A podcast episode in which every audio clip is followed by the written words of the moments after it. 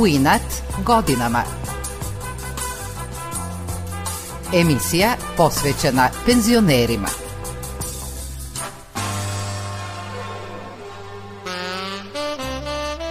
Dobro jutro. Dobrodošli u emisiju U inat godinama. Naš današnji junak je poznati novosadski vajar i pesnik Laslo Silađi.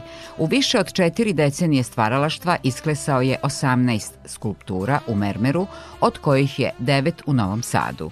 Možete da ih vidite duž bulevara Oslobođenja, kao i studentskog kampusa i u centru grada. Najpoznatije su skulptura Janike Balaža i ispred Srpskog narodnog pozorišta balerini Marini Olenjinoj. Javnosti je postao poznat kada je pobedio na konkursu za poslednju štafetu mladosti koju Tito nije primio. Vajar Laslo Silađi, posle završene Akademije umetnosti u Novom Sadu, otišao je u Pariz i nadogradio svoje vajarsko znanje i umeće. Njegov uzor je Michelangelo Buonarroti i kako kaže, od njega je najviše naučio. I dalje radi šest dana nedeljno i ističe da što je stariji, lakše radi. Laslo Silađi nije samo vajar, nego i pesnik. Do sada je izdao dve knjige proze i 18 zbirki pesama. Laslo Silađi rođen je u Subotici u glumačkoj porodici. Subotičanin sam, otac je bio glumac u Narodnom pozorištu, bio je jako nadaren, jako mlad je, kao pubertetlija, ne znam, sa 15-16 godina je već bio primjen u Mađarsko pozorište u Subotici i dosta brzo je dobijao i glavne uloge. I samim tim je, ugled mu je skakao i onda je on napredovao do jednog momenta kada se već Subotičko negde pozorište polovinom 60. godina počelo gušiti. Njegov otac je ubrzo prihvatio ponudu da radi u Radio Novom Sadu. I tata je jednu godinu putovao, znači nekim ranim jutarnjim vozom je odlazio i nekim kasnim iza polnoćnim bi stizao i tako svaki radni dan. I stekao je poverenje i naučio je zanati kao vrhunski glumac, onda je postao reditelj na radiju i radio je radio emisije i to je isto jako lepo išlo. U tom međuvremenu zato sam rekao da sam iz Vekse Subotice, mi smo se preselili, dobio je i stan ovde i kada je Novi Sad dobio odobrenje da ima svoju televiziju, njega su prvog pozvali ili među prvima, to bi stalno pričao, odmah su mu ponudili da pređe kao reditelj, jer je bio potpuno i u pogodinama i ovako formirana ličnost. Talenat za umetnost nasledio je od svog oca. Bio je slikar amater, što je bilo interesantno. I pošto imam rođenog brata, onda na brata utica kao glumac, i on je profesionalni glumac isto u penziji, a na mene uticao kao likovni umetnik, ali ne kao slikar, nego sam ja svoju vokaciju prepoznao u skulpturi. U gimnaziji sam, kao i većina nas, išao na takmičenje i, i sa crtežima, ali i, i sa pesmama. I onda bi na višoj pedagoškoj prvi put prepoznao sebe, promenio jezik studiranja, sve, sve se promenilo odjednom i shvatio sam da je to to. Vrlo brzo sam se formirao kao vajar. Posle gimnazije upisao je višu pedagošku, potom je pauzirao godinu dana razmišljajući da upiše psihologiju u Beogradu, no sudbina mu je odredila da studira u Novom Sadu. I u posljednji čas sam konkurisao u Novom Sadu na akademiju kao druga generacija i što kažu, prvi sam diplomirao. Pokojni Pavle Vasić, poslednji predmet mi je bio istorija umetnosti 4 i pita me, kaže, pa evo, ja sam pitao ko hoće prvi da se javi, vi ste odmah podigli ruke, pa gde žurite toliko? Pa rekao, za Beograd, rekao, je jedan koncert, hoću da ga uhvatim, tako da ajde da ja prvo završim ovo, pa idem tamo. Kaže, toliko se sigurni ste, pa da. I dao mi otmicu, posle sam čuo da mu je kriterijum kasnije pao i otišao u sekretarijat i rekao, drage moje komšćenice, prijatelj, ja završio ovo, idem dalje, doviđenja s Bogom, recite kad treba dođem po diplomu, po, po indeks i tako. Na konkursu za štafetu mladosti, koji je 1980. bio raspisan u Vojvodini, svojim idejnim rešenjem prvo mesto osvojio je Laslo Silađi. Štafeta mu je otvorila sva vrata, kaže on. Svake godine u jednoj republici ili pokrajini je bio konkurs raspisan. Osam godina pre nego što ću konkurisati je moj profesor odneo prvu nagradu, osam godina nakon toga sam odneo ja. Sa tom štafetom su mi se sva vrata otvorila, jednostavno, bukvalno sam davao intervjue, dolazili sa svih pet kontinenta, jer Tito je umro, i onda se tedu poznao ko je taj vaja koji je radio poslednji, po tome sam bio njima zanimljiv. U, inače nije lošo štafeta kad pogledam ovako u odnosu na druge, to je simboliziralo osam latica koji su se zatvorili, pupojci koji su krenuli, znači mladost koja je uvek, to je bio neki simbol, osmougalno je to sve bilo, znači šest republika, dve pokrajine. Međutim, kao vajar je morao da se postupno razvija, nastavlja Silađi. Onda su me novinari svake godine, par puta u toku jedne godine staletali, šta radi štafet majstor, ajde vidimo. Dakle, međutim, ja sam morao da imam jedan prirodni početak, dakle, to je išlo postepeno, po garažama sam se potucavao i šta ja znam, vuko panjeve, recimo u Kamenici sam primetio da ispred jedne kuće kada se ide prema trgu Zmajove, četiri, pet staraca sede na nekom ogromnom panju, jako, jako debelom. Jednog dana dođem do njih i kažem, dobar dan, rekao, na čemu vi to sedite? I oni kažu, orah, pa rekao, eto, ja sam vajar, koliko mogu da platim pa da odnesemo jednom kombi ovaj orah, pa bi nešto u njemu uradio. Kaže, ne moraš ništa, samo dođi podnesi, još ćeš ti popiti kod nas i špricera. Laslo Sileđi kaže da mu se još kao studentu javio Boži glas, koji ga do danas prati. Ja kažem, meni se Bog javio i zaista mi se javio. To je isto jedna mala anegdota. U to vreme autobus kod Miletića stajao, onaj autobus harmonika i tu iz tog autobusa i jedno predvečere sam izlazio sa dva drugara, obično bi išli do Mrce da provedemo veče. I kako sam ja iskoračio prvi za autobus, ovi su bili za mene, ja sam tog momenta, znači uvek kad bi izašao i pogledao Miletić, tako nešto, ja čuo neki glas, a to nije bio glas, ja čuo nešto. I čujem nešto otprilike u stilu da ovaj grad treba svoje tvoje skulpture. To sam rekao više intervjua, znači vrlo sam, kako da kažem, jesmo mi malo čudni, ali ovo je tačno, ovo se desilo, jer taj glas mene, evo, do danas vodi.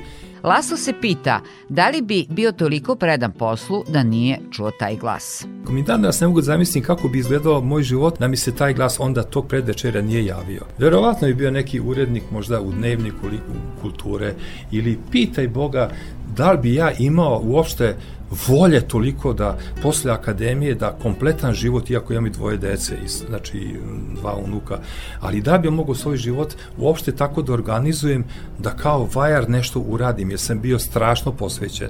Znači, strašno sam verovao taj glas i strašno i dan danas ne želim da ga izneverim i uvek, uvek je taj glas u meni koji kaže da, i sutra ćeš u atelje Posle završene akademije dobijao je pozive za posao, ali njegove namere bile su drugačije. Miša Popović koji je bio honorarni vajer na akademiji, jako gotivio i vrlo brzo me je uveo u taj beogradski stil e, građenja portreta i to. I kad sam završio akademiju, on mi je predložio da dođem za Beograd jedan dan da mi pokaže akademiju, ja sam tu uradio. Onda mi je ponudio da upišem posle diplomske studije sa namerom da mu budem asistent. I onda sam mu se jako izvinio, rekao sam, profo, oprosti, ali ja idem za Pariz. Kaže, šteta i otišao je u Pariz gde je ostao četiri po godine. On kaže da je u gradu umetnosti i svetlosti nadogradio svoje vajarsko znanje i umeće. Pošto sam bio jako vezan za Pariz, još za vreme studiranja sam Pariz prepoznao kao nešto što je suština početak 20. veka, posle renesanse, neka jako bitna barem za mene. I otišao sam prvo za Bezanson jednu godinu, pa za Pariz i tu mi se i čerka rodila i posle četiri i po godine kada sam i tu pustio dobro korenje, shvatio sam da sam na neki način sebe nadogradio u toj metropoli sa nekim saznanjima novim koje u Novom Sadu nisam mogao da steknem U Parizu je shvatio da je napravio odličan životni korak. Brzo sam shvatio da je to suštinskog značaja i shvatio sam da čovek ne može biti neki lokalni umetnik, nego mora otići u neku metropolu i da proputuje svet ili deo sveta ili da ode neku od tih metropola gde svet dolazi, sliva se na jedno mesto i na taj način da stekne jednu spoznaju o svetu. Tako da ja sam u Parizu shvatio da nisam uopšte loš, a što se tiče kamena, boga mi nisam bio ni malo loš odnosu na druge i tako, posle 4-4,5 godine odlučio sam da se vratim za Novi Sad i tamo gde sam stao da nastavim, to jest taj glas koji mi govori da grad treba moje skulpture, da krenem u tu avanturu.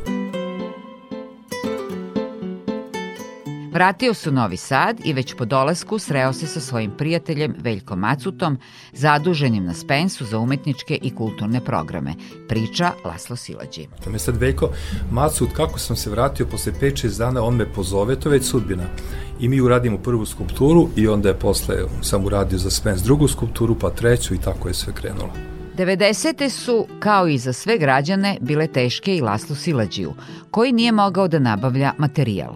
Međutim, snašao se, upoznavši divnog čoveka koji je shvatao umetnost. Imao sam i mecenu Miloša Teofanova, 90. godine su bili jako teške, teško se živelo, a ja sam želeo da budem slodni umetnik i onda Miloš Teofanov me izdržavao i sve, svaku skulpturu bi otkupio od mene, tako zapravo. Imao sam platu mesečnu sa uplaćenim opio. To kad sam odlazio u penziju, skinuo sam u kapu, rekao, svaki dinar si mi platio, nisi morao, tek nije morao.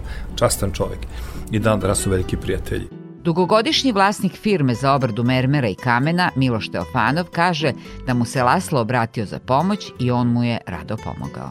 A ja sam imao taj materijal koji njemu treba i onda se mi lepo dogovorimo, ja njemu pomognem, prijavim ga, radio kod mene na neodređeno vreme, imao platicu kakva je bila svima i meni, taka i njemu, kupovao sam mu materijale i onda ono sve to što je on napravio kucanjem tog kamena, on samo kaže da kažeš da kucam, ja stvaram. Rekao, dobro, to što si stvorio, rekao, to je ostalo meni, moje firme. Tako da smo imali jednu dobru saradnju i za nas je ostalo tu dosta skulptura po gradu. Produkcija skulptura je odlična, kaže Miloš i srećen je što je pomogao umetniku. Imamo neke dve ptice tamo kod Holandjanina, imamo Janiku, imamo tu ispred pumpe, sad je to valda Molova u Futoškoj, to je bio nekad impuls. Ima kod mene u dvorištu još uvek, nažalost, najbolja njegova skulptura po meni, morska zvezda, eno čeka da izađe negde u prostor. Ja nju volim, ona je dobra i vredna, ali greota da je zarobljena u dvorištu moje firme. Ovoj i ovakvoj skulpturi je mesto u gradu. Uglavnom je to sve išlo da, s obzirom na okolnosti, sve to ne može biti bolje. Ja sam srećen zbog.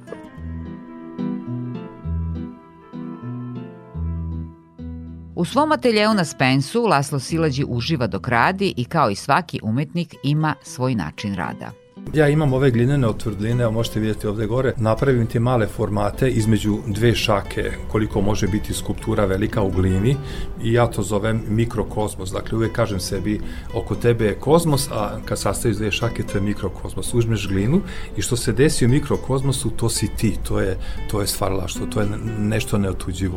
Mermer je materijal od kojeg kleše skulpture i smatra da u sebi ima praoblike.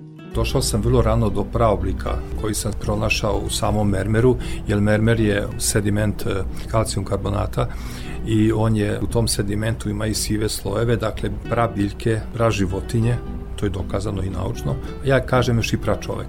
Tako da sam ja došao vrlo brzo do praoblika na taj način, razmišljaju o mermeru, shvatio sam da je suština skulptura zapravo, da je mermer jedna knjiga sa tim sedimentima, slojevima, e, naravno to su to je vreme, to su ti vremenski slojevi i kako klešem, znači ja mermer se kleše u slojima kako ga listam, listam ga kao knjigu. Iako je odavno završio Akademiju umetnosti u klasi profesora i vajara Jovana Soldatovića, Laslo Silađi i dalje u ateljeu osjeća prisustvo profesora i kolega. Ja uvijek ulazim u atelje kao u svoju vajarsku klasu u Đure Jakšića na višoj pedagoškoj i na akademiji na Tvrđavi gde smo imali posle akademiju. Ja sam prvo završio višu pedagošku i onda posle toga prva generacija akademije umetnosti. I ništa se ne menja, znači ulazim u atelje, još uvek čujem te glasove 5-6 mojih kolega, profesora Soldatovića, Mišu Popovića i Julijana Kišmi bila asistentkinja, tako da to je sve ostalo. Veliki uzor mu je do sada neprevaziđeni Michelangelo Buonarroti, čak ga smatra svojim profesorom. Držim se jako Michelangela, jako su mi trebale knjige njemu da dobro razumem. Čak je o meni bio neki način i profesor, jer na Akademiji umetnosti kamen uopšte nije prešao prag, ni na višoj pedagoškoj, ni na akademiji.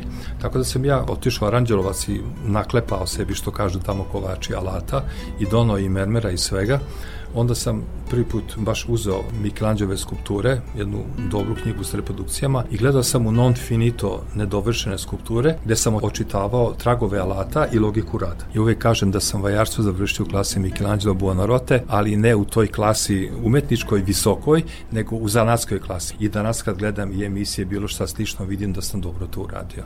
Izložbeni prostor vajara Lasla Silađija su gradske površine. Ja imam publiku dok ja doručkujem, dok popijem kafu, već deset ljudi vide moje radove, a ne da držim ih u jednom od tih uglednih muzeja i da mi čame u podrumu i da izađe na površinu jednom u 5-10 godina na mesec dana. To meni nije rešenje uz veliko poštovanje naravno muzeja kao institucije, ali ja sam se pronašao u javnom prostoru. Dakle, oko mojih skulptura se dešavaju randevuj, muž čeka ženu sa sejgerima sa pijace ili obrnuto, guraju decu. Dakle, e, moje skulpture su pustile koren i to sam i želeo u svakom svakodnevnog života. Osim što kleše u mermeru, još od osnovne škole piše pesme. Do sada je izdao osam zbirki i dva prozna dela. Poezija i klesanje skulptura prosto mu se prepliću u životu. Ja sam krenuo u stvari kao pesnik, ali sam kasnije prepoznao u sebi Vajera, ali je pesnik uvek bio tu, on je tu. Mislim da razumem šta poezija hoće da kaže i mislim da znam šta pesma može da kaže, a šta ne treba da kaže, kad treba pisati, kad ne treba. Znači pravim ponekad pauzu po 5-10 godina ne pišem, onda izdate dva, tri rukopisa iz mene, to je tipično tako. I mislim da sam i vajri pesnik, eto, to sam, uverio sam sebe.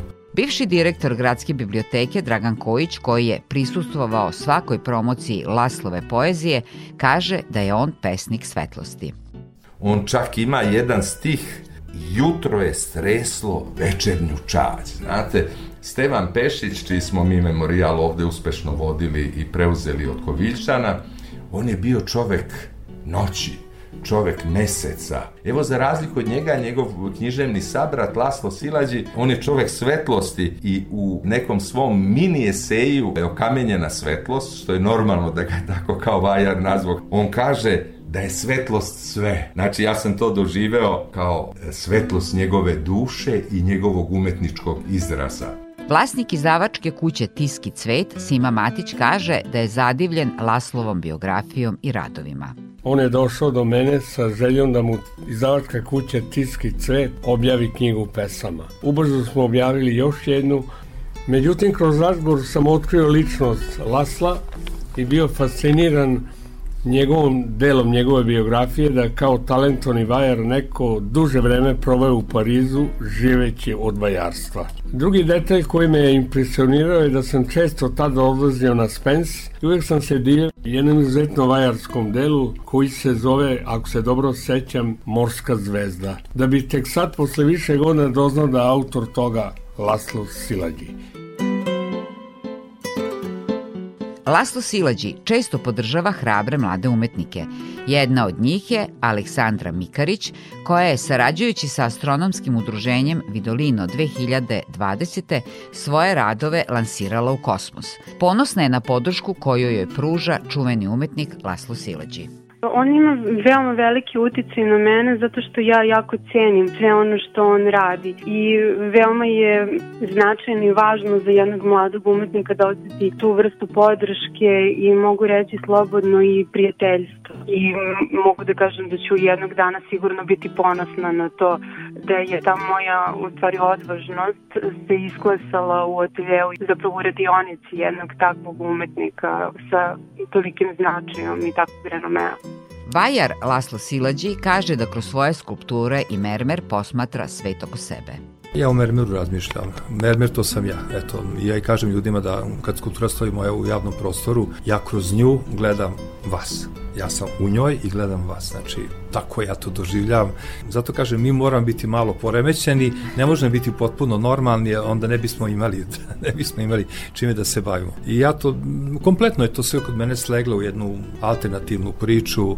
Obično kažem da je kod mene već odavno san postao java, a java je postala san. Pre dve godine Laslo Sileđ je pobedio na konkursu za sporni spomenik nevinim žrtvama 1944-45. u Novom Sadu. On je isklesao spomenik i čeka razvoj događaja. Dok se ne razreši problem, on u svom ateljeu kleše mermerne skulpture. Naravno i nastavlja da piše poeziju.